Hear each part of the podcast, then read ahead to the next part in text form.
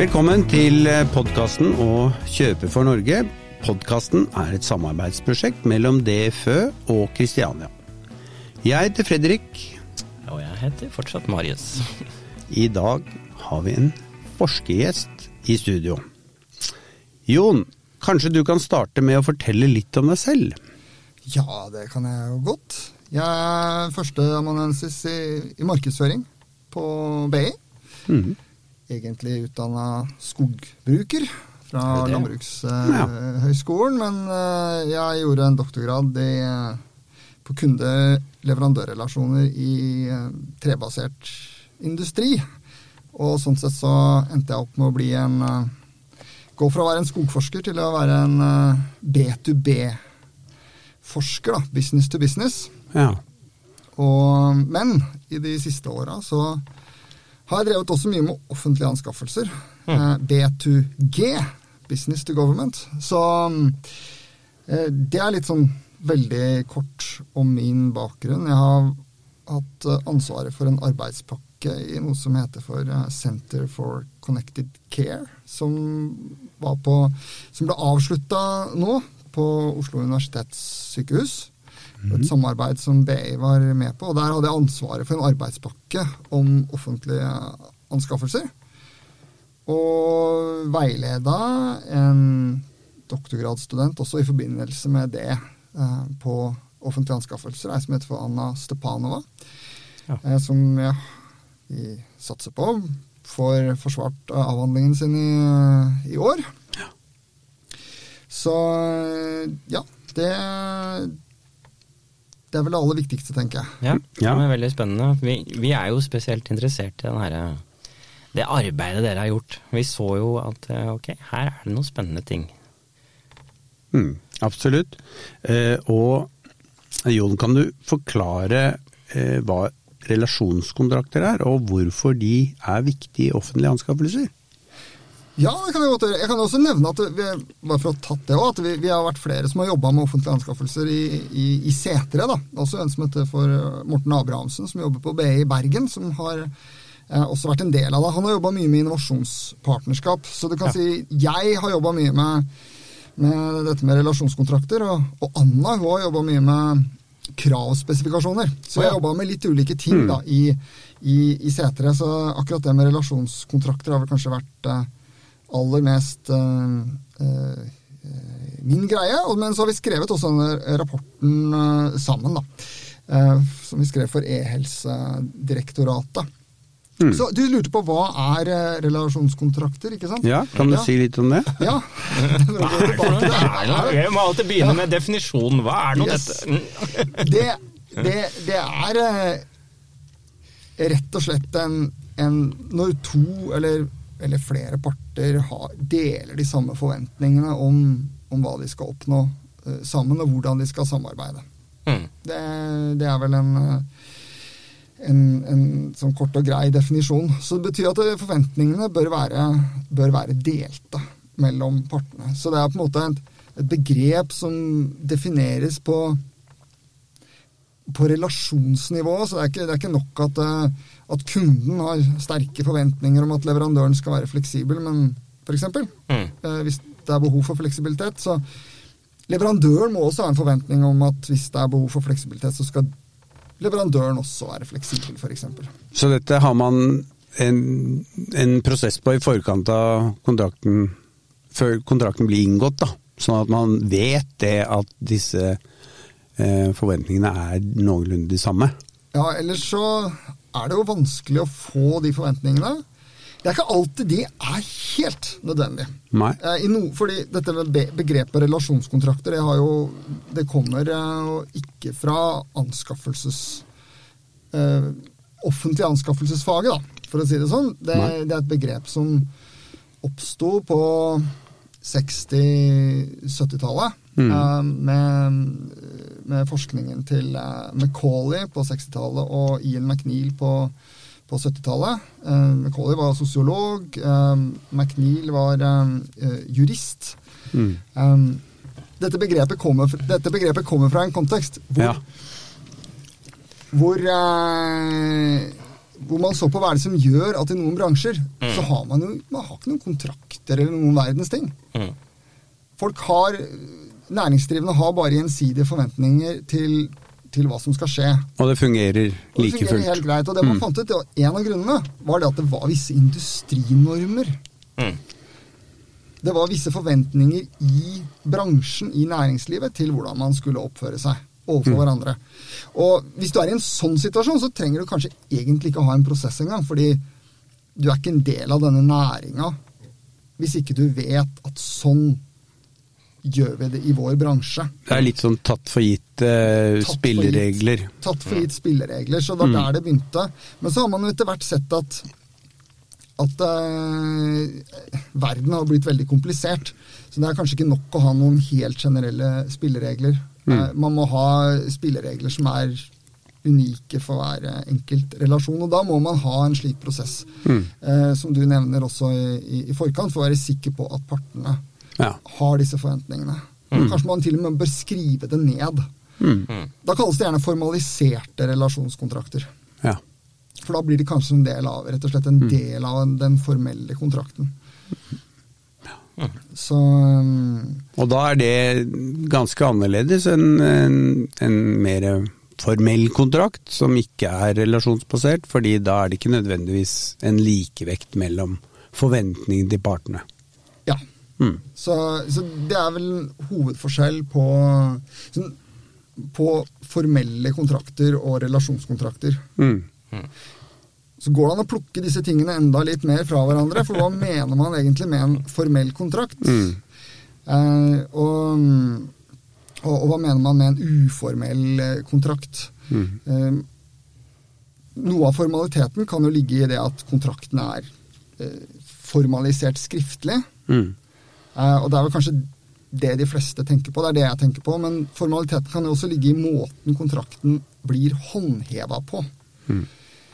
En eh, skriftlig kontrakt ofte, kan man jo ofte håndheve gjennom rettsvesenet og ved å gå til rettssak osv. Så, Mm. så Så det er en annen type formalitet, egentlig. Og det er jo også noe som er spesielt med relasjonskontrakter. sånn I utgangspunktet så er jo relasjonskontrakter som regel avtaler som du må håndheve selv. Ja. Så hvis f.eks. du og jeg har en, eh, en, en, en forretningsforbindelse, og vi, vi handler med hverandre, Mm. og så har vi en forventning har vi en forventning, i hvert fall én av oss har en forventning om at hvis det oppstår et eller annet pro teknisk problem f.eks., så skal vi hjelpe hverandre å løse det problemet uten noen masse forhandlinger og Mm. peke fingre på hverandre for å finne ut hvem som har skylda og sånn. Mm.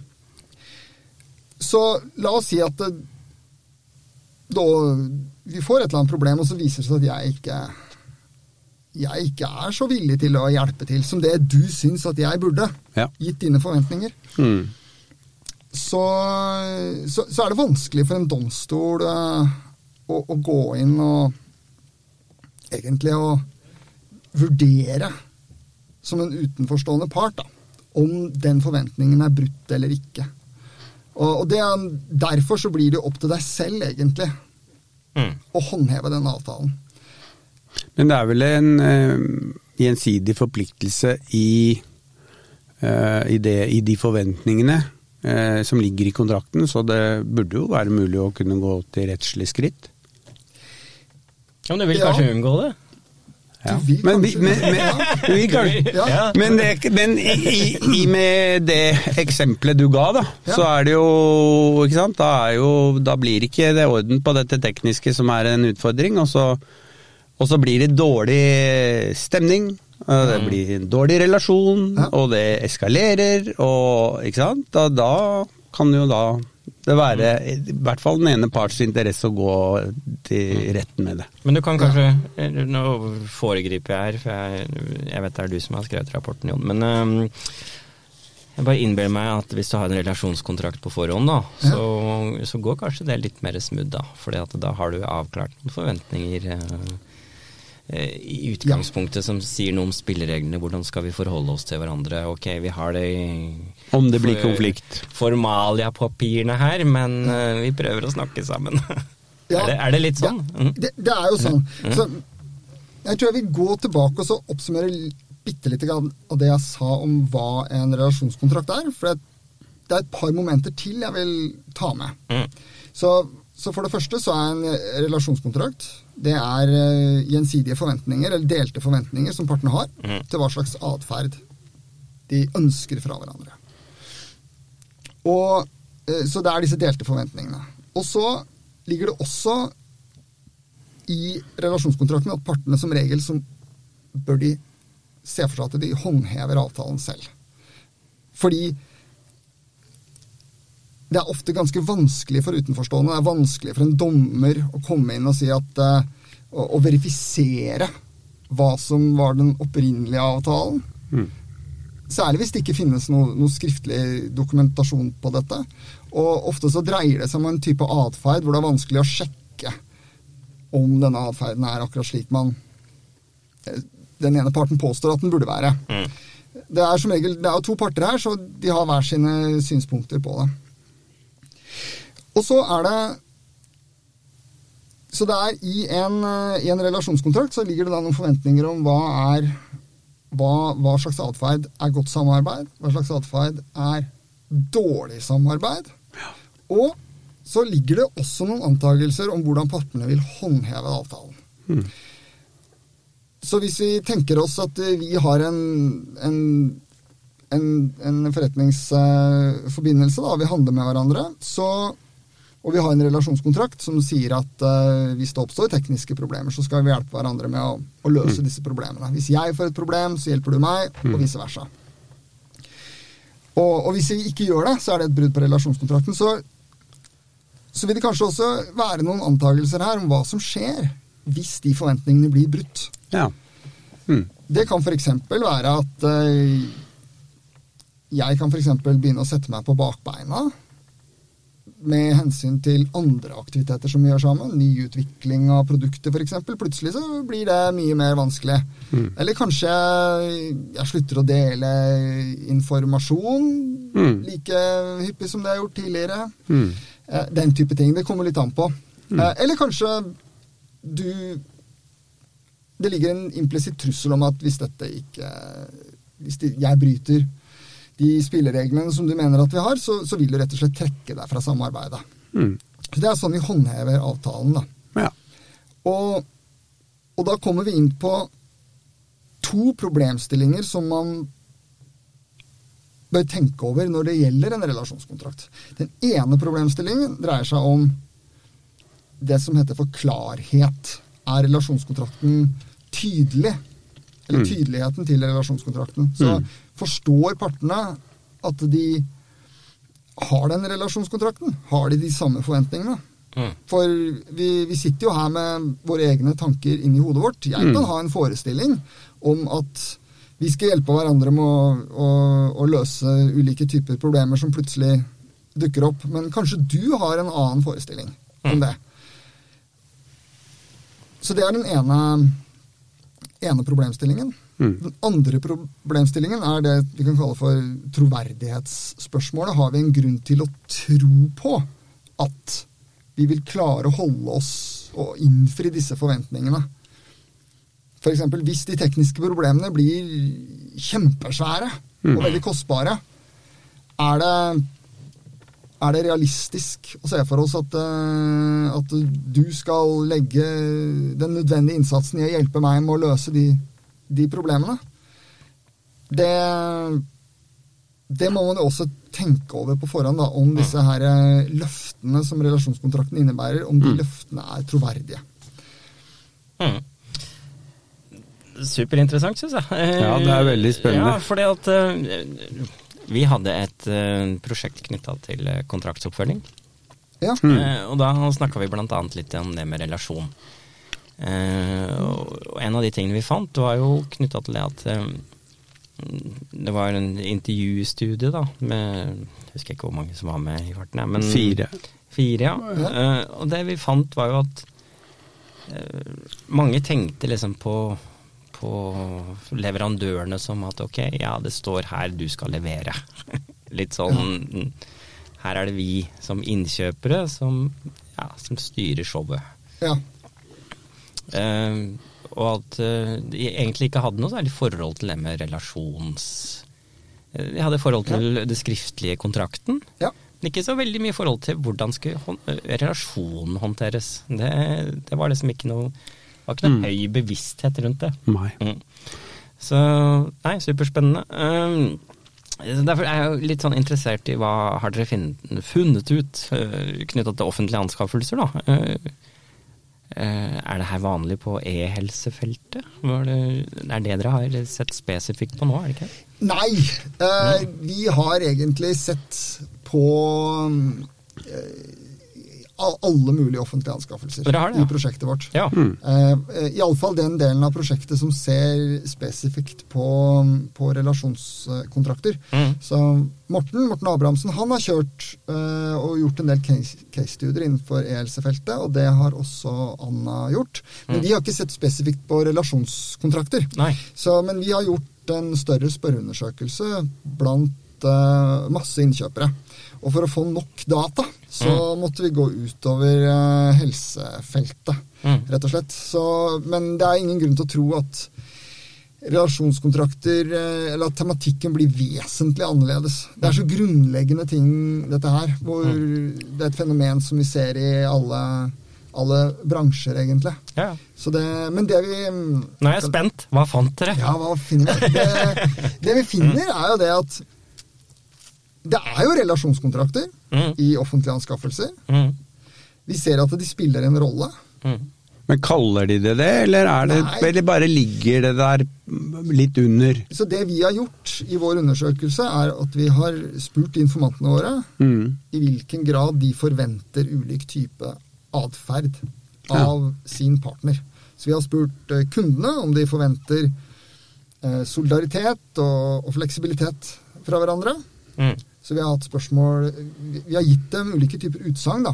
Mm. Eh, Et uts- utsagn kan f.eks. være at eh, i dette prosjektet forventes det at eh, partene hjelper hverandre med å løse problemer hvis de skulle oppstå.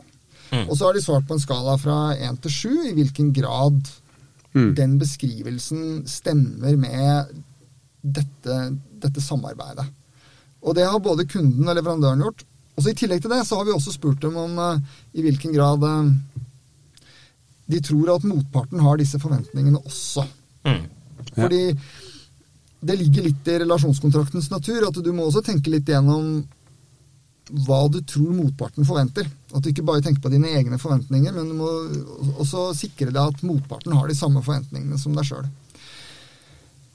Så, så det er sånn jeg har målt oss. Vi har ikke brukt begrepet relasjonskontrakter i, i spørreundersøkelsen eller noe sånt. Men, men det er den måten, eh, innenfor, særlig innenfor markedsføringsfaget og innenfor uh, strategi- og ledelsesfagene, at uh, relasjonskontrakter måles. Mm. De kalles ofte for relasjonsnormer også, fordi dette her er snakk om uh, normer og gjensidige ja, gjensidige forventninger til hverandre. Men er det det Blir det kalt relasjonskontrakter, eller er det bare at dere ser på om kontrakten er relasjonell på den måten du beskriver? Vi ser på om samarbeidet Om partene beskriver samarbeidet Mm. som karakterisert av den type forventninger. Ja, Men det er ikke regulert som en relasjonskontrakt? Det er Nei, bare det ja. står ikke skrevet Nei. noe sted Nei. at dette er en relasjonskontrakt. Så Mm. Det kan godt tenkes at uh, det her er et uh, prosjekt uh, hvor det skal kjøpes inn et eller annet fysisk produkt, f.eks. Mm. Og det er det kontrakten sier. Ja. Mm. Men likevel så har partene kanskje denne typen forventninger. Mm.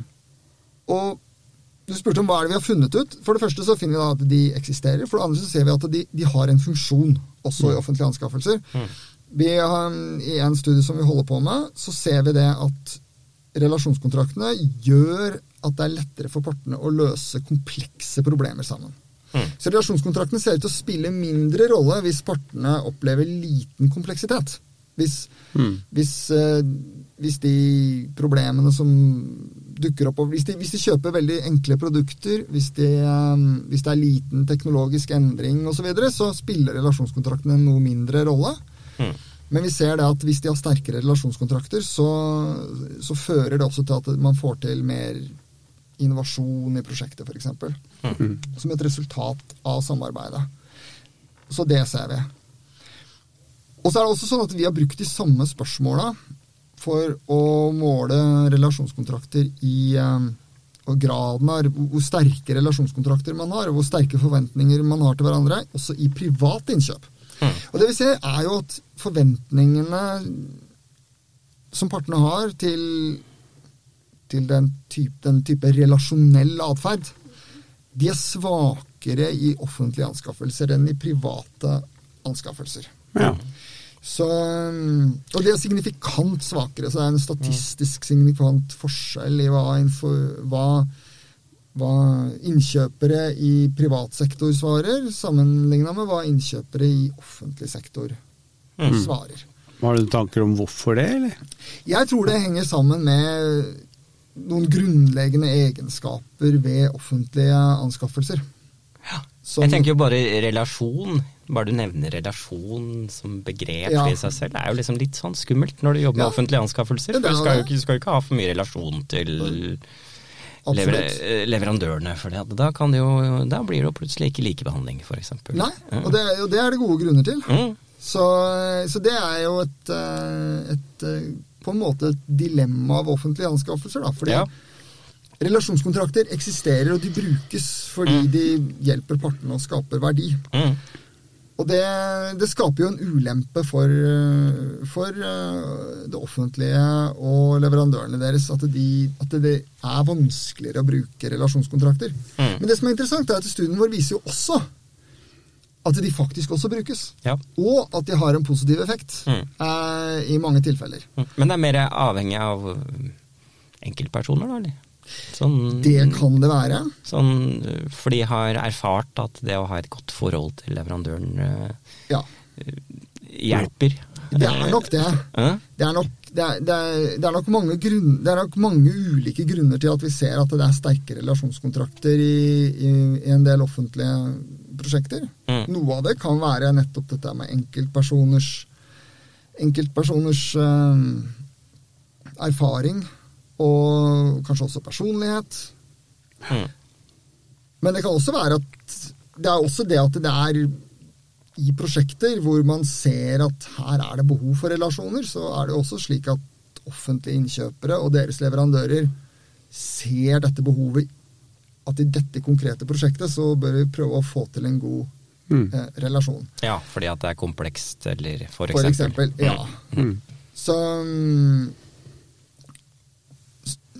så, så, så er spørsmålet hvor, hvor lett det er å, å få det til i alle mulige prosjekter. Fordi, og nå begynner vi å bevege oss litt grann over i en, en gråsone hva jeg har eh, kompetanse på. da.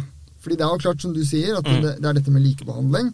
Så man beveger seg litt inn på jussens områder her. Så det er jo viktig, da, hvis man har et prosjekt hvor man tenker som så at hvis vi skal få til dette prosjektet, så Mm. bør vi ha en, eh, en god relasjonskontrakt. Så må man også tenke gjennom hvordan kan du få til det uten å bryte loven. Mm. Mm. så, så, så det er en utfordring for offentlige, offentlige innkjøpere, særlig. Mm. Er det, eh, um, jeg skjønner jo at det er mange fordeler med det her, eh, men hvis du, kan du si litt mer sånn eh, Jeg skjønner at det er viktig i forhold til eh, kompleksitet. Er det, har det noe å si for innovasjon, tenker jeg? Ja. Mm. Det, er- det er, potensielt mye å si for innovasjon. Og nå kommer vi litt inn på hvorfor eksisterer relasjonskontrakter sånn i utgangspunktet. Mm. Og det er jo fordi at verden er usikker. Mm. Vi klarer ikke å forutsi framtida. Hvis vi hadde antatt at offentlige innkjøpere klarte å forutsi framtiden Kommer noe AI og noen greier her nå? mulige eh, eh, framtidige eventualiteter.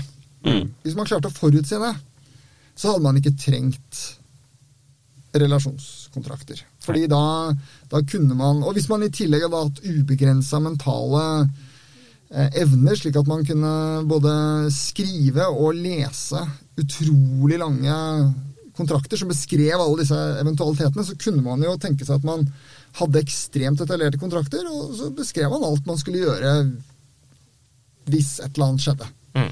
Men det er jo klart at det er jo ikke effektivt å, å sette seg ned og, og prøve å, å forhandle fram den typen kontrakter i de fleste tilfellene. Særlig ikke hvis det blir litt mer kompleksitet.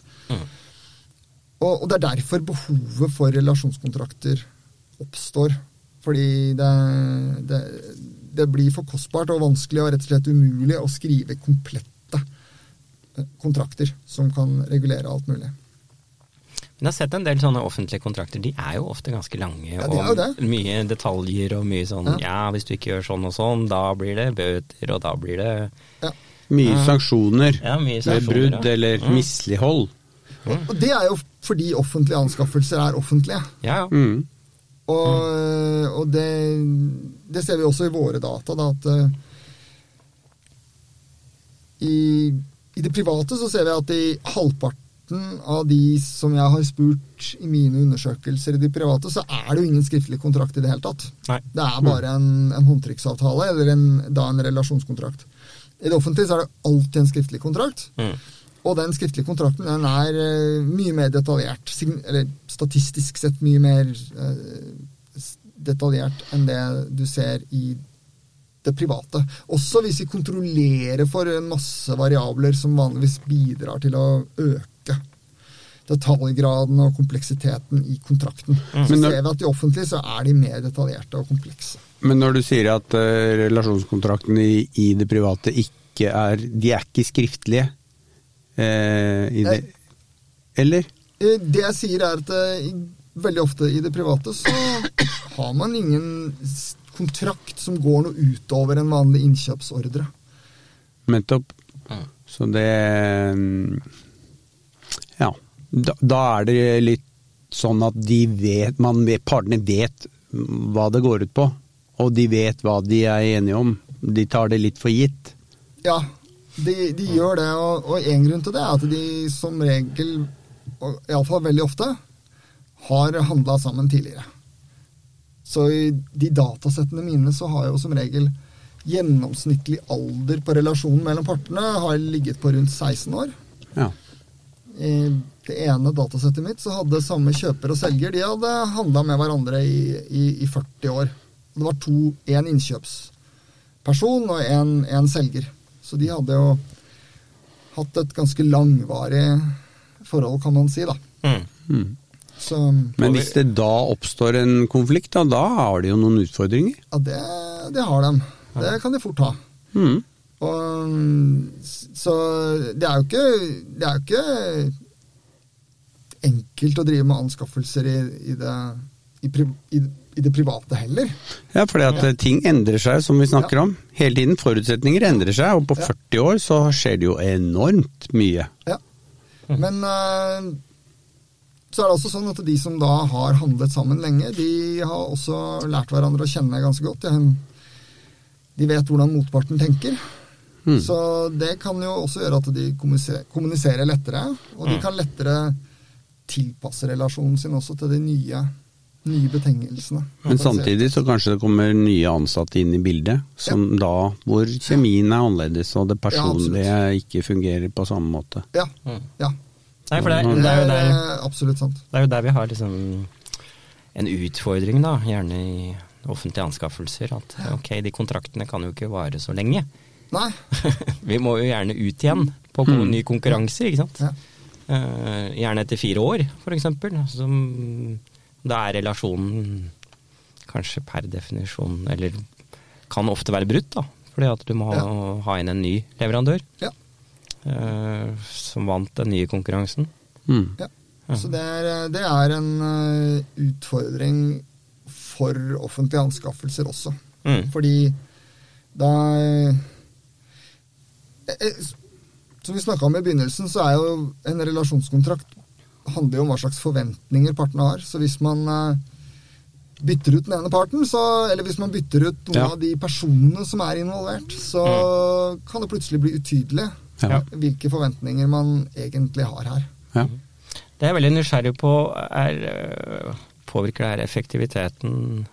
Så er det liksom, ja, ok, lettere å løse komplekse problemer og bidrar mm. til innovasjon, men øh, blir det mer effektivt òg? Sånn, Det har jeg ikke testa. Men eh, Så det er ikke godt å, det er ikke godt å si. Nei. Vi har kun sett på innovasjon som en avhengig variabel da, i den studien, i de dataene vi har fra offen, Mm. offentlig sektor.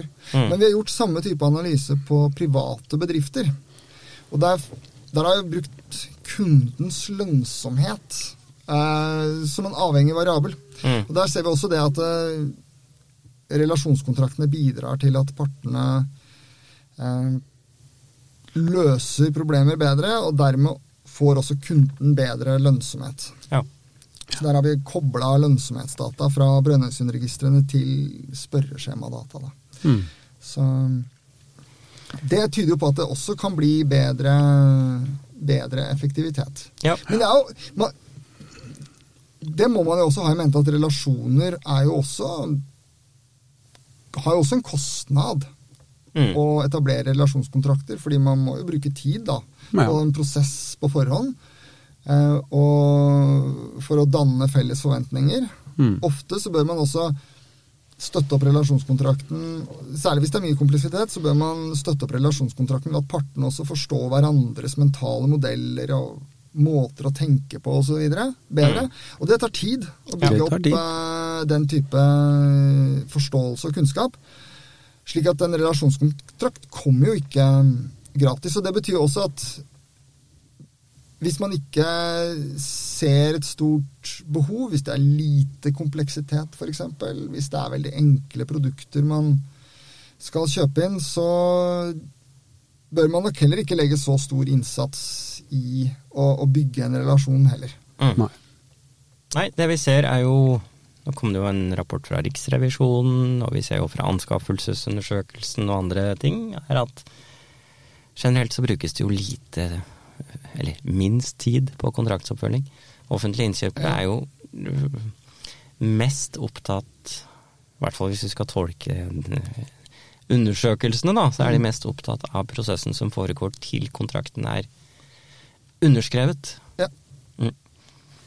Og, og bruker mindre tid på kontraktene i etterkant. Og særlig Ja. på gjennom... Altså, konkurransefasen er jo den man på en måte bruker mest tid på, som man egentlig kan bruke minst tid på. For den er jo veldig eh, trinnvis, eller eh, den er veldig grei å gjennomføre. Ja. Ja, Så- Ikke alltid da, Fredrik. Nei, Nei, det er, nei, nei, det er men- noen ganger komplisert. Det kan være det, men ja. den, den kan den, den er ofte mindre komplisert enn kontraktsoppfølgingsprosess. Ja. Mm. Men den er kanskje Nå er jeg litt ute på tynniset, men den er, det er vel kanskje der det er strengest lovregulering. Mm. Det er der, det er der loven gjelder. Ja. Så det, det forklarer jo da også hvorfor man legger innsatsen Ja. der. Mm. Ja. Men, men det går jo på bekostning av eh, relasjonskontraktene, da. Det kan det gjøre, det. Mm, fordi at eh, mm, Det kan det gjøre. mm. Ikke nødvendigvis. Nei det kommer jo an på Kommer an på, på partene. Mm. Mm. Har dere funnet noe mer? Skal vi se, nå må jeg tenke meg litt om her. Eh, Men hvis du sa at ok, det her er utbredt osv., har dere noe tall på det? Eller er det mange av det av, i det datasettet dere har? Er det, er det liksom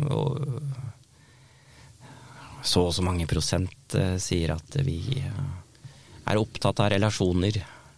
Jeg har ikke regna på det akkurat på den måten. Nei, nei. Men eh, det jeg kan si, da må jeg bla litt i rapporten her for å Jeg bare nysgjerrig, altså. huske hva jeg har eh, funnet ut. Skal vi se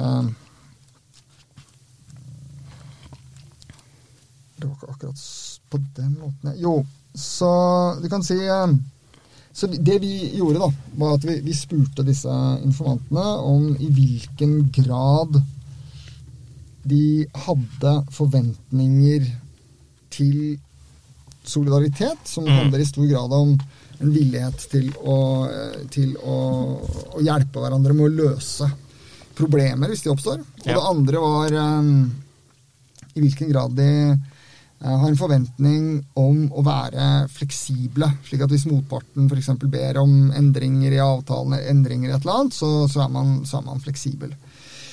Og, og da hadde vi en skala fra én til sju Mm. som indikerte at det var ekstremt svake forventninger. Og den andre enden, det var sju. Da har man veldig, veldig, da har man maksimalt sterke forventninger. Og det er veldig få som ligger nedpå én og to. Mm. Og det er en felles ting med både offentlige og private anskaffelser. At generelt sett så har jo folk ganske sterke forventninger. Mm. Eh, Det vi ser, er at det gjennomsnittet, f.eks. Eh, leverandørenes forventning til solidaritet, ligger på en rundt sånn 5,3 i snitt. I det private så ser vi at snittet er på en ca. rundt 5,8 Ja. i private anskaffelser. Eh, Og det er statistisk sett høyere, da. Mm. Så mm, og, og det her, de forskjellene ser vi også når det gjelder eh, fleksibilitet. Så du kan si der er det de ligger. Så, så snittet ligger litt over midten av en 1-7-skala.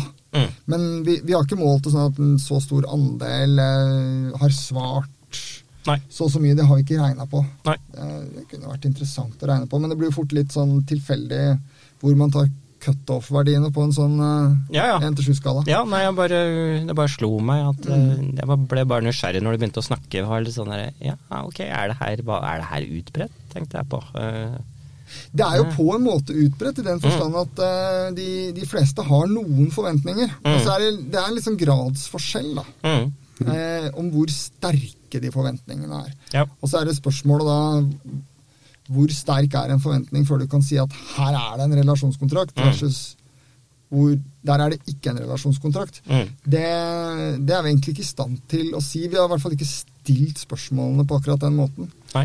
nei, for jeg tenker jo, det er jo sikkert noen forventninger, men hvor bevisst er du at du egentlig har noen forventninger? Det er vel egentlig det som Nei. Mm. Ja, For alle sitter vel kanskje med en, en eller annen forventning, men ok, er det en uttalt forventning, og er det liksom bevissthet rundt det? Har du liksom snakka med leverandøren i det kontraktsmøtet, eller hva du nå gjennomfører, om, om de her forventningene, eller går du liksom bare igjen, gjennom formalia, skal jeg til å si, at ja, hvis det, det er så og så mange dagers betalingstid, og ja, og så videre. Det er jo ofte det du det er jo kanskje ofte det som blir liksom samtaletema, da. Men uh, Ja. Ja. Og så er det en del forventninger som ligger under der, Ja, som man ikke som- helt vet mm, hva er.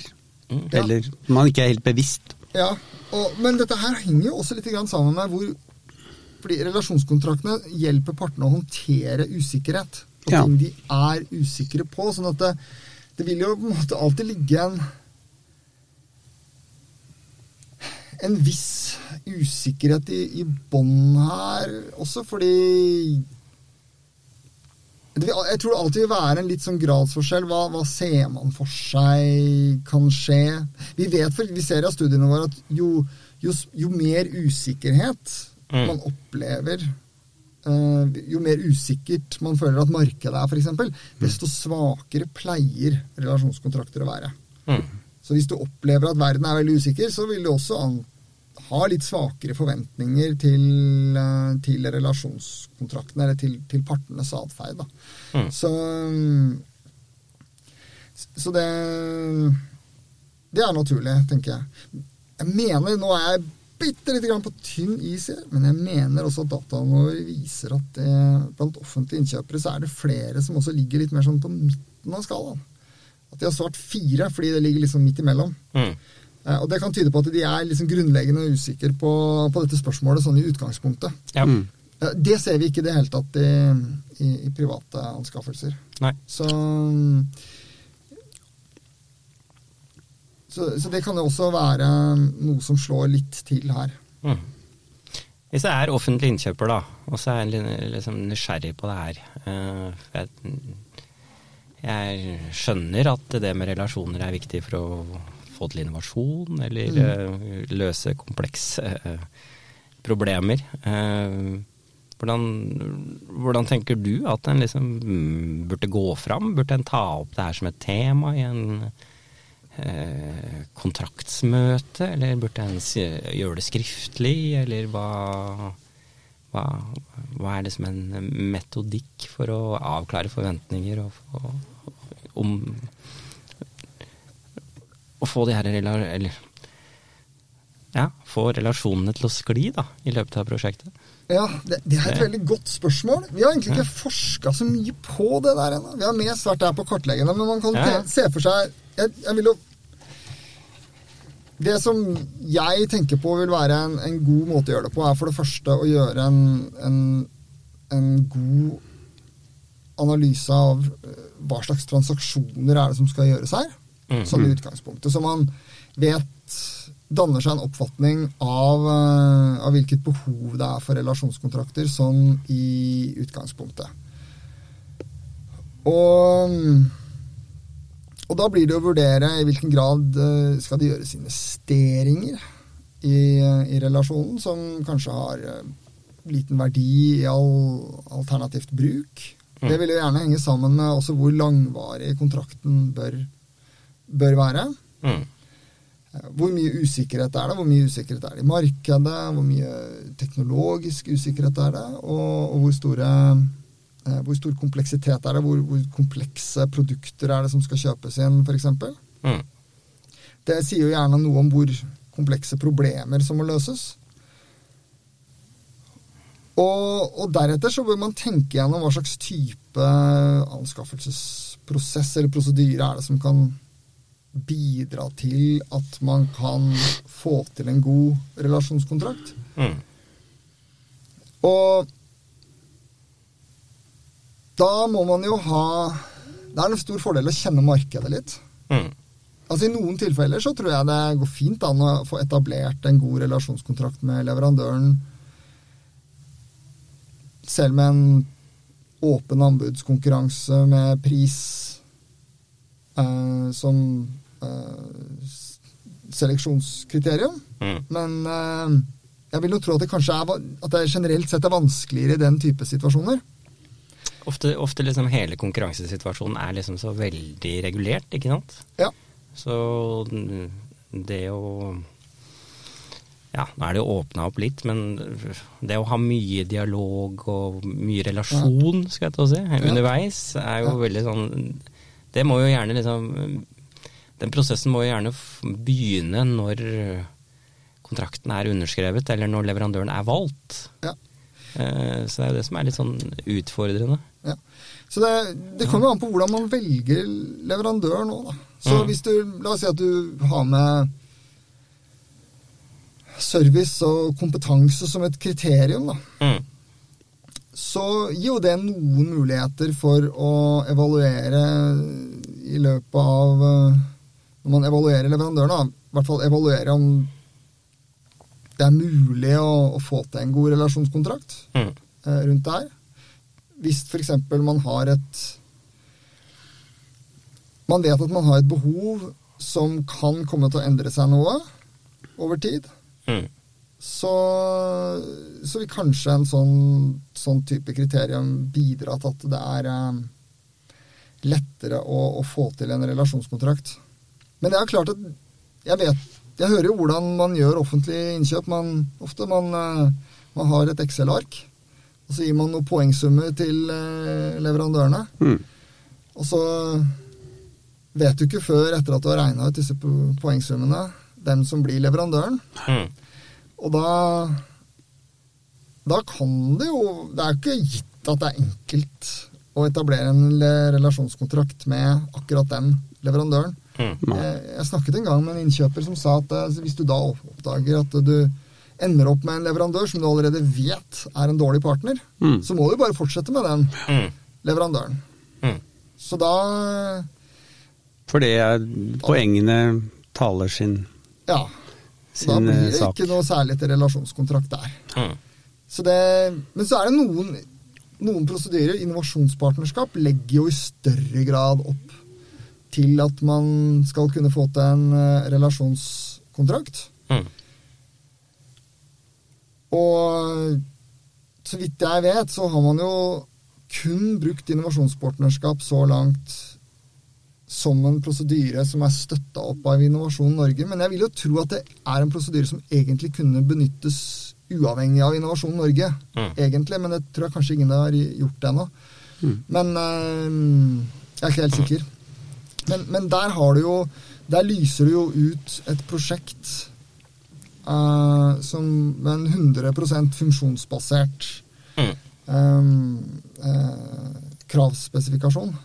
Og da har du også muligheten til å Du har mye mer kommunikasjon med Underveis, ja. underveis med, med leverandørmarkedet. Mm. Og da er det lettere å få en forståelse av hvilke partnere kan vi få til en relasjonskontrakt med, og vi kan begynne å bygge relasjonskontrakten allerede før man inngår den skriftlige avtalen. Mm. Det gjelder nok også hvis du har eh, konkurranse med forhandlinger også. Mm. Eh, Så det gjelder jo også da å velge den typen prosedyrer som gir en mulighet for å få etablert en, en relasjonskontrakt, tenker jeg da.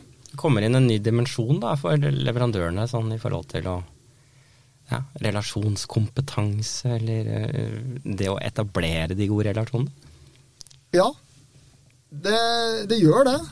Man må jo Det setter jo visse krav til at man uh, klarer å kommunisere med andre mennesker og finne Mm. ut hva de tenker. Man klarer å stille de rette spørsmåla. Så Så det er eh, Det krever jo noe mer enn å, å bare fylle ut noen skjemaer og legge ut på Doffin og Mm. regne med at alt går helt av seg sjøl. Mm. Du kommer ikke så mye, mye langt av gårde med en opportunistisk eh, atferd som leverandør. At du bare rett og slett skal melke din egen kake. Da får du jo ikke til. Nei, nå er jo det er Jeg ser at i et av spørsmåla deres så spør dere om, eh, om dette med tillit. Mm. Tillit er jo viljen til å, eh, til å sette seg i en sårbar situ- Gjøre seg selv sårbar. da. Mm. Sette seg i en sårbar situasjon. Mm. Og det gjør du jo på sett og vis. Det gjør du jo når du inngår en Når du satser på en relasjonskontrakt. da. Mm. Så Men da er jo også poenget at en relasjonskontrakt den, den bør være, det må være troverdig. Mm. Det er ikke nok at, at man kommuniserer mye rundt og man sier at nå, nå har vi denne forventningen. Hvis det fundamentale eh, forretningsmessige ikke er der. Så det vil si at partene må se at de har en felles interesse av å holde seg til denne relasjonskontrakten. Ja. Ja. Så det må være en viss balanse mellom tillit og kontroll. Ja, Mm. så du kan si eh, Hvis f.eks. det kreves at leverandøren må gjøre store investeringer i Mm. prosjektet for å eh, få til dette her, Mm. som Så vil det være naturlig at også kunden gjør et eller annet for å komme med den tilsvarende forpliktelse. Da. Så du Mm. får en balanse mellom partene. fordi da, da er det lettere å tro på at man vil kunne holde seg til relasjonskontrakten over tid. At begge Mm. partene har like mye å tape på at uh, ting ikke går bra, f.eks. Mm. Jeg syns det temaet her var veldig interessant, eh, Fredrik. Men eh, jeg er tror det. kanskje vi må uh, bevege oss inn mot landing. Ja. Jeg ser Ja. tida går. Men eh, litt sånn på slutten eh, eh, Hvis vi vil lære mer om det her med relasjonskontrakter, eh, og ønsker mer informasjon om det prosjektet dere har gjennomført, mm. hvor, hvor skal vi lete da? Det, det enkleste er å sjekke den eh, rapporten vår som ligger på, mm, på hjemmesidene til Bay, for den er gratis. Så Mm. den er jo lett å sjekke ut. Ja. Den heter uh... Den heter 'Relasjonskontrakter i offentlige anskaffelser på e-helsefeltet'. Ja. Men du kan si mesteparten i rapporten er eh, relevant også for alle andre typer anskaffelser. Ja. Og så er det litt annen type litteratur eh, som kan også være interessant. E-helsedirektoratet har nylig fått en, skrevet en rapport som ble lagt fram rett før jul. Av, som ble skrevet av noen eh, svenske, en svensk konsulent som heter David eh, Frydlinger. Han har også skrevet en bok som heter for eh, Skal vi se, hvor har vi den? Eh, ja, de har skrevet en, han har skrevet en, eh, en artikkel i Harvard Business Review som heter eh, A New Approach to Contracts How to Build Better Long-Term Strategic Partnerships. Som han har skrevet sammen med Oliver Hart, som har vunnet Nobelprisen i økonomi, og Ja. ei som heter Vita Sekk.